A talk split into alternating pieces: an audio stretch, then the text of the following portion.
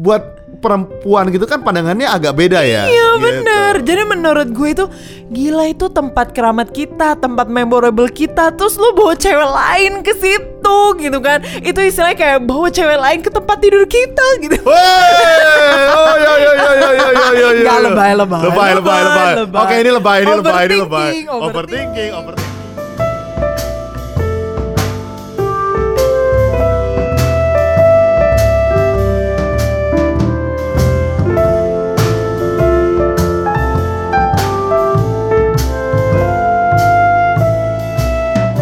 Beb, Yes minggu lalu openingnya kan adalah hal apa yang kamu baru ketahui tentang aku setelah menikah. Yes Sekarang minggu ini Yes aku yang mau bilang apa yang aku baru ketahui tentang kamu. Ternyata aku imut, lucu, dan baik hati Iya, bener. Tapi ada hal lain yang orang tidak tahu. Apa itu Beb? Oke, jadi Mandy ini termasuk kalangan ningrat ternyata.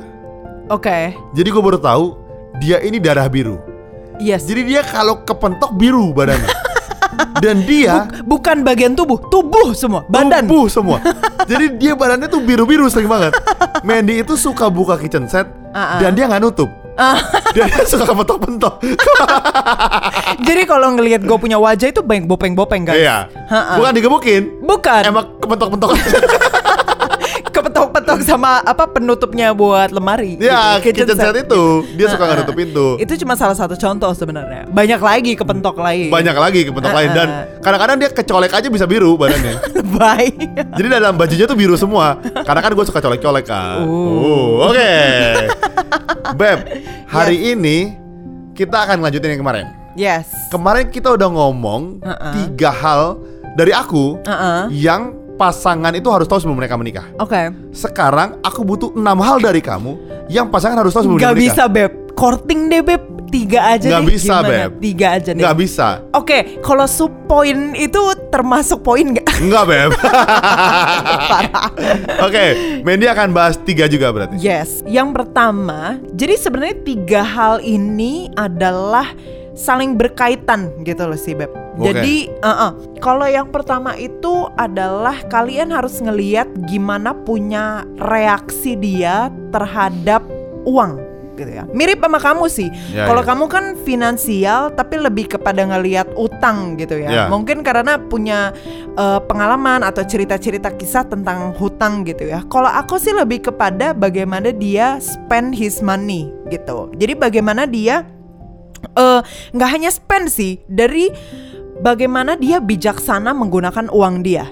Jadi baik bagaimana mereka mem- menghabiskan uangnya, bagaimana mereka itu menyimpan uangnya, atau bahkan bagaimana mereka membagikan uangnya. Kalau gitu bagaimana yang seharusnya, Beb? Kamu balas ya pertanyaannya ya. Yes, oke. Nah, jadi menurut aku ya kalau yang pertama how he spends it. Jadi kita harus ngeliat bagaimana dia itu bijaksana dalam ketika mereka menggunakan uang. Contoh, contoh, mis- contoh. Kamu jangan kesenangan gitu dong. Seneng, aku seneng. Nggak, Mandy kan ibu dosen, jadi kan bahasanya diplomatis terstruktur. Diplomatis terstruktur. Kita harus to the point apa yang sebenarnya dilakukan. Jadi nggak Langsung ngawang-ngawang. Satu titik. Uh, Hanya satu satu titik titik itu nyanyi. Oke, anyway. Oke, oke. Jadi misalnya nih dia punya uang let's say gaji dia 10 juta. Nah, 10 juta Beb itu nggak bisa, Hah? nggak relevan. Aku gaji sekitar 125 juta. Oke, Jadi dia kayak- punya gimana? gaji sekitar 10 juta US dollar. Oke. Bukan rupiah, belum selesai, Beb. Oke. Oke, dia punya gaji 10 juta US dollar. Dia menghabiskan uangnya itu untuk apa? Gitu ya. Apakah dia kebanyakan spend untuk makanan, dia spend untuk foto-foto, atau dia spend untuk investasi dan untuk mungkin berbagi gitu untuk sesamanya. Tapi perlu di note juga karena kadang-kala ya berbagi itu juga harus ada batasnya gitu. Jadi ketika misalnya pacar kalian itu suka berbagi, harus dilihat juga nih lu sebagai pasangan itu bisa menerima nggak kalau misalnya dia berbagi berbaginya inisiatifnya apa? Seberapa banyak untuk siapa seberapa sering gitu? Karena sering kali gitu ya ih gila pacar gue sering berbagi kepada panti asuhan Ternyata sering banget Ih, berbaginya. Iya atau aduh ya ampun pacar gue itu mensponsori anak di Papua gitu. Bukan berarti nggak boleh gitu Tapi ketika lu punya ya saya 10 juta rupiah lah misalnya Ya, ya. lu sponsori anak di Papua, lu sponsori anak di Afrika, terus di Sumatera Barat, kemudian di sini di sini. Terus dari 10 juta lu punya 5 juta udah habis buat berbagi misalnya. Nah, sedangkan lu punya kebutuhan hidup buat buat cicilan, buat investasi, buat pendidikan tabungan masa depan gimana gitu ya, kan. ya, ya, ya. Aku aku setuju kadang-kadang banyak orang yang merasa ketika mereka menikah Mm-mm. uangnya uangnya. Gitu. Hmm. Jadi misalnya dia punya 10 juta, istrinya juga 10 juta. Hmm. Dia merasa ya udah, ini 5 juta buat kita sehari-hari. 5 jutanya dia pakai sekarapnya sendiri. Di, Pernah dia ada gitu kan? 5 juta? Dia dia pakai sekarapnya sendiri sama maunya Sekarap, sendiri. oh, oke. Iya, jadi kadang-kadang ada orang yang sistemnya begitu. Hmm. 5 juta dia kasih, sisanya ini duit gue. gitu. Oh. Ada orang yang kan nggak peduli kan. Benar, Padahal benar. sebagusnya semua lu sharingin sama-sama. Lu punya uang 20 juta. Yuk kita bagi ini ini ini ini ini semua sama-sama. Hmm, benar, Yang nggak wise adalah pokoknya ketika dia merasa ini uang gua masuk di gua dan lu nggak boleh kutak-kutik. Itu nggak bisa. Iya, benar benar benar. Nggak bisa. Uangnya mesti sama-sama. Bahkan investment pun mesti dibagi. Hmm. Investmentnya segini ya buat ini ya. Ininya buat ini ya. Kita berbagi buat ini ya. Buat tempat ibadah segini ya. Buat makan segini ya. Nggak bisa uang dia uang dia. Karena itu akan membuat gua kan lebih gede spendnya ya. Kok lu cuma segitu sih? Lu enak aja pakai duit lu sendiri. Nggak adil dong gitu. Nggak benar. bisa. Kalau dia gajinya sama, mesti share sama-sama dong gitu. Kalau misalnya kayak kita berkeluarga, spend rumah semua gue yang spend Mm-mm. gitu semua kebutuhan rumah gue bilang men duitnya kamu masuk investment ya Mm. gitu gue minta dia dia masuk investment ada ke saham ada ke tabungan ada ke mana ke mana ke mana jadi yang dia simpen itu dia harus invest juga Mm-mm. kenapa supaya nggak disimpennya salah gitu maksudnya. Karena kan kebutuhannya udah besar kan gitu kita membaginya. Nah buat kalian kita sih akan bahas topik ini detail juga nanti soal Betul. dompet keluarga tapi semua tuh mesti komunikasi. Itu yang penting how he spends the money. Betul, karena eh, menarik juga yang tadi kamu ngomong soal ketika nanti dia sudah dewasa, bukan dewasa, sorry, ketika kita udah menikah, nah itu kalian akan bagi kayak gimana tuh keuangannya Betul, gitu betul. kan? Apakah akan dibagi misalnya, udahlah 5 juta, pokoknya ini buat gua seneng-seneng, lu nggak usah peduliin gua buat pokoknya apa? jatah lu kasih Iya, pokoknya jatah lu Ah, nih dua setengah juta. kita nggak setuju gue juga kurang setuju Iya. karena lu mesti lihat juga dia 5 juta spend untuk apa? untuk apa betul Karena betul. kadangkala kita itu terpaku pada budget based gitu loh. Betul. Jadi kita bukan pada productivity based, Betul. tapi kita terpaku sampai 5 juta. Misalnya ya, by akhir bulan lu baru spend sejuta, tapi karena lu punya cap itu, capacity untuk lu belanja 5 juta, lu jadi akhirnya belanja sesuatu sebanyak 4 juta untuk hal yang sebenarnya gue nggak butuhin. nggak perlu betul Tapi betul. karena punya mindset ah gue punya jatah 5 juta masih ada sisa 4 juta yaudah deh gue belanjain lagi gitu kan sayang banget betul sebenarnya setuju gitu. makanya itu pengaruh ke gaya hidup juga Mm-mm, mm-mm. gaya hidupnya kalian tuh kalau misalnya agak tanda kutip mungkin salah Hmm. Spend uang di plafonnya untuk hal yang nggak berguna tuh sayang banget sebenarnya Betul betul. Nah itu sih. Jadi don't live by plafon base Ya. gitu ya, tapi by uh, Productivity base. Productivity base gitu. Gua awalnya nggak setuju sama Mendy karena dia hampir tiap seminggu sekali ada kiriman buku ke rumah. Gua. Banyak banget beli bukunya nggak bohong itu bel itu banyak banget memang Nah, awal-awalnya. sih. Awal-awalnya, tapi ternyata harga bukunya yang dibeli itu diskon-diskon. Iya. Gua gua baru tahu harganya berapa dua puluh tiga ribu kayak gitu gitu kan. Iya, heeh. Jadi yang dia beli itu murah-murah ternyata. Emang. Dan itu sebanding sama produktivitasnya dia dalam membaca dan nulis blog. Dia blogger kan. Betul. Dia suka nulis, dia apa yang dia baca dia rangkum, dia tulis, dia tuangkan dan menurut gue itu sebanding sama produktivitasnya. Mm-mm. Bukan soal orang bilang gini ya. Beli buku tuh boleh loh, karena itu berguna. Kalau gue yang beli nggak guna, karena gue beli tuh gue pajang biasanya. Jadi kalau lu bilang gitu, it doesn't work for orang-orang kayak gue yang beli buku buat dipajang. Enggak lah, kamu nggak selalu kayak gitu lah. Ya enggak, kalau ya sekarang dari 10 ya satu lah dibaca. Ya, eh, enggak lah. Sekarang baca semua enak aja.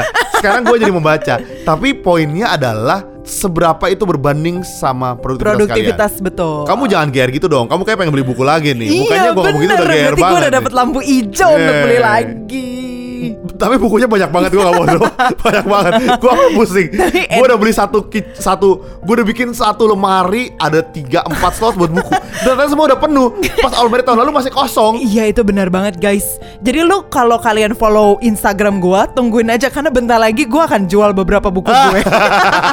itu udah kebanyakan banget. Bagus Bagus Bagus. Anyway, tapi kalian harus ngeliat apakah kalian punya spend itu senilai untuk investasi yang Betul, akan kalian raih betul. di masa depan. Setuju Jadi, in summary, yang pertama adalah kalian harus ngeliat how he is around his money atau how he spends his money.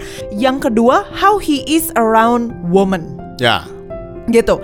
Kenapa? Karena bagaimana cara dia mentreat seseorang wanita, mentreat ibunya misalnya ya, atau bagaimana dia berhubungan dengan teman-teman perempuan lainnya di sekitar dia dia itu akan menampilkan hubungan dia yang sehat atau tidak dengan kalian sebagai pasangannya. Kamu ngomong itu mukanya tuh sangat-sangat Senyum-senyum sangat menjerumus, gitu loh sangat menjerumus. Iya, ya. mak- itu maksudnya- itu kode-kode kedip-kedip ke kamu juga sih sebenarnya. Iya maksudnya Beb eh, Contohnya apa sih Yang kalau kita lihat Memperlakukan ceweknya tuh aneh sehingga kita nggak boleh Oke. A- Apa sih yang mesti dilihat sebenarnya Oke, oke. Perlakuan seperti apa yang tidak boleh Kalau kalau aku sih gini, mungkin beberapa orang beda sih ya. Tapi aku inget banget dulu pas kita pacaran, kita pernah berantem hebat banget soal ini. Ingat nggak beb?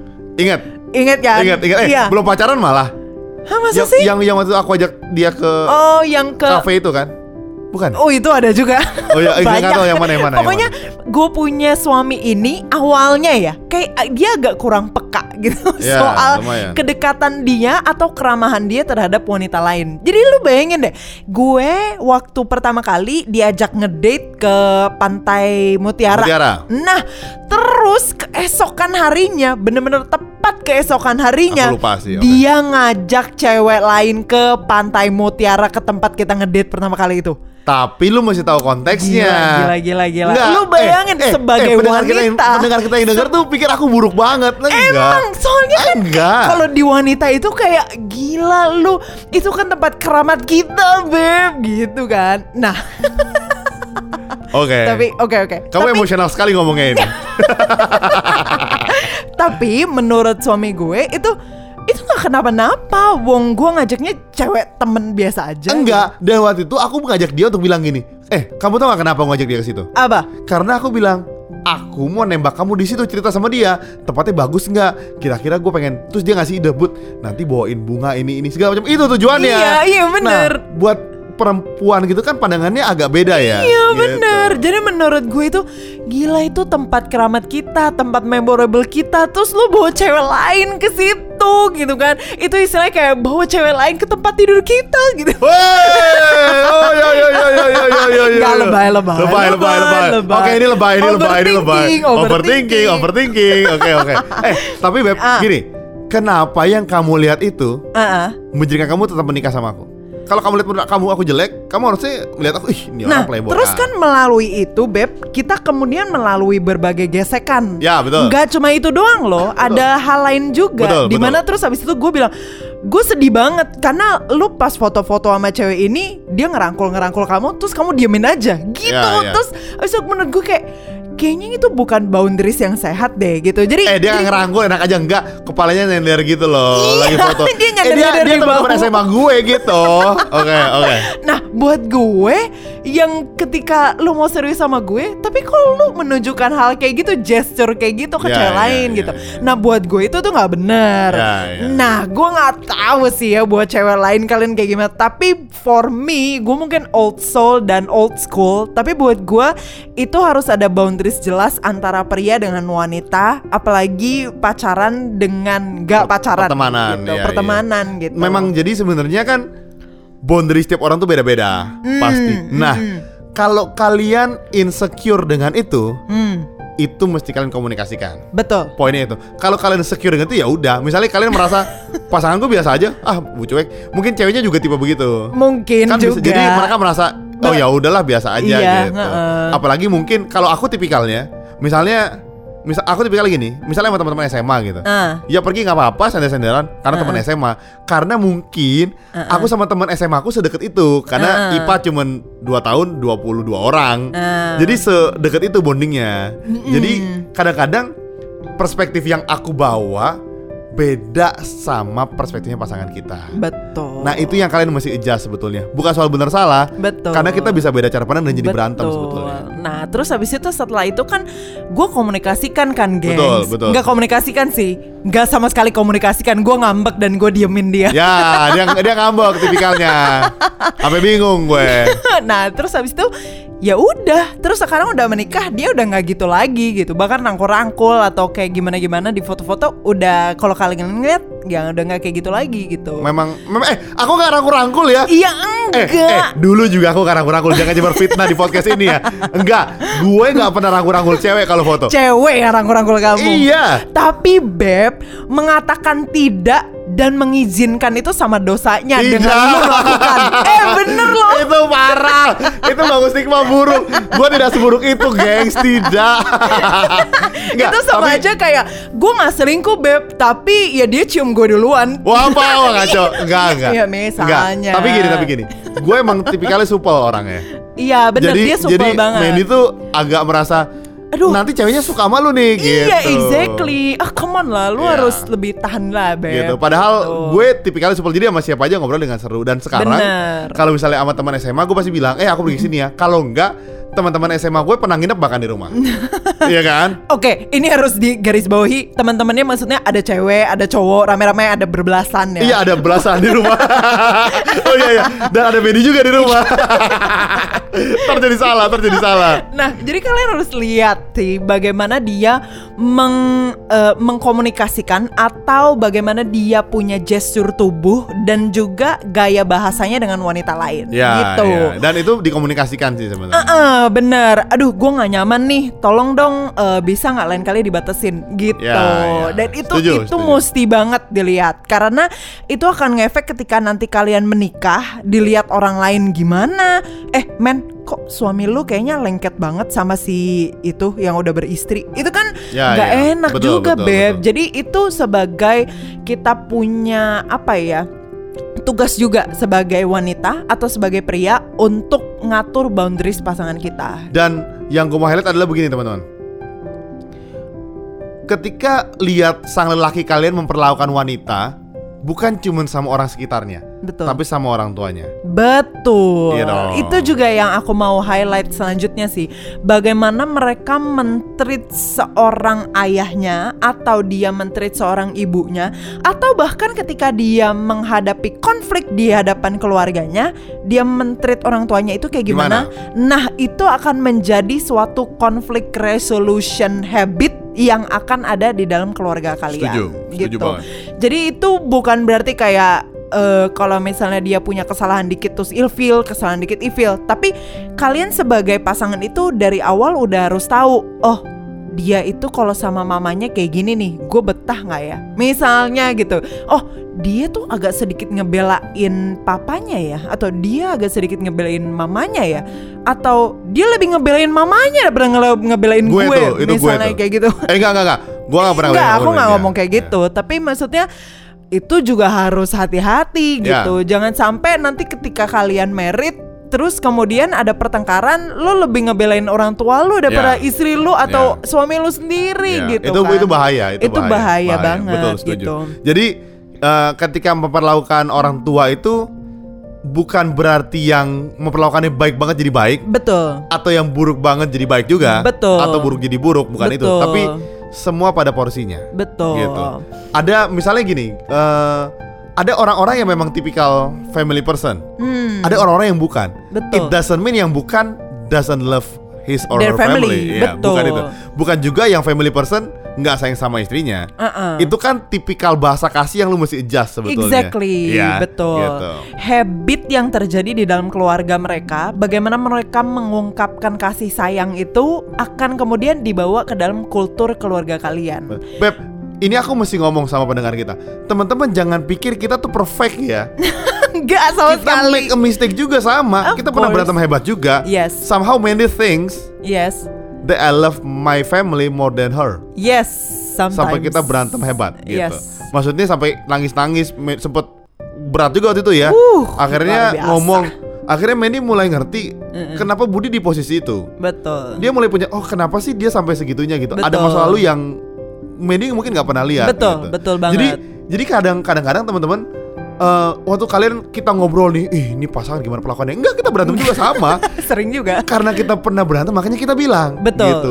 Makanya kita setiap kali kita bikin podcast kita pasti bilang gini, adjustment dan komunikasi itu penting. Betul. Iya kan? Betul, betul banget. Nah, jadi kalian lihat-lihatlah, berbuka mata dan lebih peka lah terhadap Betul, pasangan kalian betul. gitu. Karena gimana pun juga masa lalu pasangan kalian nggak bisa diubah. Ya, Tapi kalian bisa mengubah masa depan dia. ish, Ih, luar biasa. Luar biasa. Wow, ayo kita turun. Kayak gue harus buka sesi jadi motivator deh kayaknya, Beb. Betul, betul, betul. Gak, gak canda. Enggak, enggak. Kayaknya kamu nggak cuma buka sesi tapi buka-buka yang lain juga. Oh iya. Kayaknya aku perlu Membuka-buka. buka-buka lagi. Iya. Kamu boleh sih buka-buka yang lain. Buka rahasia. Uh. Selain rahasia ada lagi boleh buka. Buka dalam doa. Uh, uh, selain itu ada lagi nggak? Oke oke oke anyway, nah yang terakhir beb, ini menurut aku penting banget. Oke. Eh, not just for relationship in terms of boyfriend girlfriend, tapi juga even di dalam working place, di dalam teman kerja gitu. Karena kita harus bisa memperhatikan kita punya pasangan how he is under stress atau under pressure. Beb, Yes. sebelum kita mulai pembahasannya, Yes. tell me about yourself. How about you Uh-uh. if you are in that position under pressure? Under pressure. Oke. And you tell me, how do I look or how do I act? You look handsome, baby. No, when under pressure. Oke. Kamu eh, dulu, kamu dulu. Jadi kalau- kita tahu, kita berdua juga aneh under pressure. Oke, kalau aku under pressure itu biasanya agak sedikit nggak mau diganggu, kayak ruwet, terus abis itu jadi cepet naik darah gitu loh, stres, cepet naik darah, dan biasanya shot off. Jadi gua nggak nggak bawel justru, gua lebih banyak diem. Tapi kalau misalnya orang itu ngegelitik dikit, kayak ngeganggu dikit, kayak ngegorek atau ngegaruk dikit, gue bisa udah hancur keluar Atau nangis. atau nangis Betul kan? Iya, bisa bisa dibilang jadi itu sih kalau misalnya aku under Ya, ya, pressure ya. gitu Gue kalau under pressure biasanya gue dimin si Mandy biasanya. iya terus muka dia bete terus dia Iya. diem Terus gue diem terus dia kadang-kadang eh agak meras salting gitu Iya, terus dia kadang-kadang kesel gitu dia bilang karena gue kalau under pressure kalau ngomong kasar gue biasanya. hmm benar Kasar banget gue. Jadi gue Bener. berusaha menahan itu biasanya. Mm-mm, jadi dia diem Tiga hari, dua hari. Medi sih kesel berkali Kesel berkali-kali banget. berantem karena gue diemin dia sebenarnya. Iya. Karena gue nggak tahan aja. Tapi itu yang kita lakukan under pressure dan itu sebenarnya buruk. Ada baik buruknya sebetulnya. Hmm, Nah, ketika kita tahu begitu kan kita berdua jadi punya penyesuaiannya sebetulnya. Betul. Waktu kita under pressure, Mandy Uh-uh. lebih ngerti gue dan gue juga lebih ngerti dia. gitu. Betul. Tapi karena gue orang ekstrovert, sekalipun dia nggak mau diganggu, gue pasti gangguin biasanya sih. thanks beb Tapi untungnya dia lebih mengerti gitu. Jadi dia sama gue ya nggak terlalu gimana-gimana. Tapi gue tetap gangguin bini gue biasanya. ya udahlah gue mendingan apa eh, lebih sayang suami lah daripada suami dah ya udahlah gue lebih sayang suami daripada sayang pekerjaan Oke, Oke, lanjutin pembahasan kamu. Nah, tapi kalian harus ngelihat juga kalau misalnya di da-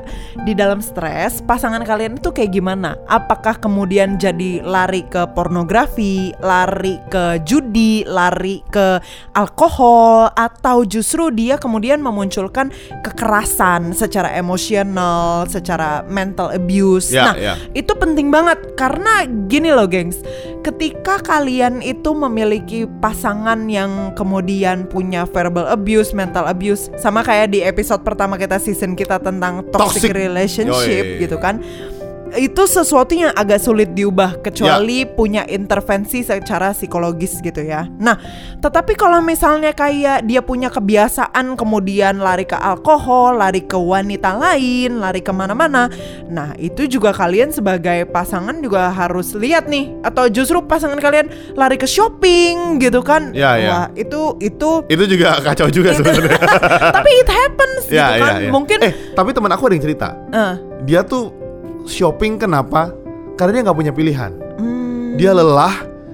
Dia eh, introvert banget. Hmm. Dia nggak bisa cerita ke siapa-siapa. Hmm. Orang tuanya mungkin nggak bisa dengerin dia. Oke. Kadang-kadang pasangannya juga capek dan dia shopping. Hmm, Gitu. itu dia.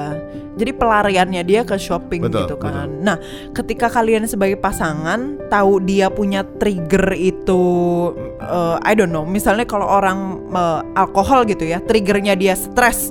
Jadi kalau misalnya udah tahu kalian punya suami istri itu under stress, Kunciin di kamar. kunci di Jangan kamar. sampai dia pergi ke minuman Jangan dia pergi minum-minum atau bahkan jangan sampai ada sama sekali minuman di rumah kalian. Beb itu beneran suggestion yang kita lakukan ke dia. Iya kan Kita maksud kunciin di kamar, Beb. Ah, Oke. Tapi maksudku ya supaya kalian bisa ngelihat Cari how- cari solusinya menghindari hal-hal yang mendekatkan dia sama itu. Gitu loh maksudnya. Benar gitu. Mungkin kalau misalnya dia under pressure, yuk kalian temenin dia ngajak ngobrol Iya, gitu. iya, supaya dia punya habit itu keputus Betul, betul. menjadi komunikasi dengan kalian instead of lari ke hal-hal yang gak bagus. Betul. Kalau misalnya gue, kalau misalnya kesel sendirian, mending nyiapin kasur. Biarkan gue tidur aja di kasur dengan nyenyak gitu. Ayo tidur tidur gitu. Iya. Ih gitu sih. Jadi sebenarnya itu penting banget ketika kalian pacaran, jangan cuma seneng-seneng doang, tapi harus bisa ngeliat ketika pacar kalian itu lagi stres atau lagi under pressure. Nah, dari semuanya yang kita udah ceritain, tiga di awal dan tiga di akhir, ada enam poin yang teman-teman mesti aware sebelum menikah. Kita akan tutup dengan sebuah cerita ini sebetulnya. Kita punya satu teman di tempat kita, dia pacarannya nggak lama, Hmm, under setahun kali Beb ya. hmm, betul. Betul ya, under Yes. setahun mereka mutusin untuk menikah gitu. Nah, kita sih nggak tahu bahagia atau enggaknya. Hmm. Kita cuma dengar selentingan-selentingan bahwa setelah menikah ternyata banyak hal yang dia nggak tahu. Hmm, Ternyata suaminya berhutang, betul. dia nggak tahu. Terus ternyata suaminya pecinta barang branded, padahal gaji nggak seberapa dia nggak tahu. Mm-mm. Jadi dia nggak punya income. Dia beli barangnya di pokoknya barangnya tuh toko branded Bermerek- semua, merek, bermerek ah. semua gitu. Nah, itu yang bikin jadi aduh, ternyata gini banget itu udah udah menikah gimana ya gitu. Hmm, Dan teman-teman masih bayangin kita nggak bisa bilang pacaran ideal berapa lama. mm-mm, Tapi kita bisa bilang bahwa enam hal ini mm-mm. yang kalian mesti aware. betul. Dalam berapa lama kalian bisa aware? Jangan-jangan kalian pacaran lima tahun pun kalian nggak pernah tanya. Hmm, Kalian nggak pernah aware sama hal-hal ini. nggak pernah perhatiin. Iya. Mm-mm, Cuman happy happy doang. mm-mm. Pacaran kan nggak cuman makan dan menggebuk bersama. iya kan. Tapi juga makan dan mengurus bersama. Iya. mengurus bersama, mengurus banyak hal gitu ya. Mengurut iya betul. Iya, iya. Jadi memang poinnya adalah banyak banget hal-hal yang dipikirin sebelum kalian menikah. Betul. Gitu. Terlalu banyak dan kalian mesti aware banget. Betul. Nggak ada pasangan yang sempurna. Of course. Kita pun berantemnya banyak. Of course. Tapi penyesuaian-penyesuaian itu yang kita akan terus angkat dan bagikan sama teman-teman. Yeay. Gitu. Kok kita jadi serius gini sih? Iya dong, soalnya abis ini kita mau beraktivitas. Aktivitas apa yang kita hari abis ini? Kita mau olahraga jogging. Uh, uh, uh. Sekarang jam 10 malam, joggingnya di kamar. Di atas kasur.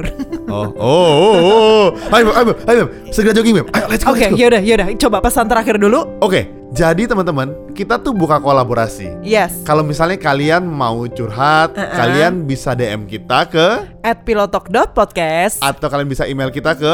pilotalkpodcast.id at gmail.com Nah, yang spesial adalah kalau misalnya kalian malas ngetik panjang ceritanya, kalian bisa kirim voice note Yeay dan Voice note-nya bisa di-feature di kita punya episode jadi kita akan cerita bareng kalian dari voice note-nya kalian dan kita akan bahas di sini. Yes Jadi sampai situ aja episode kita.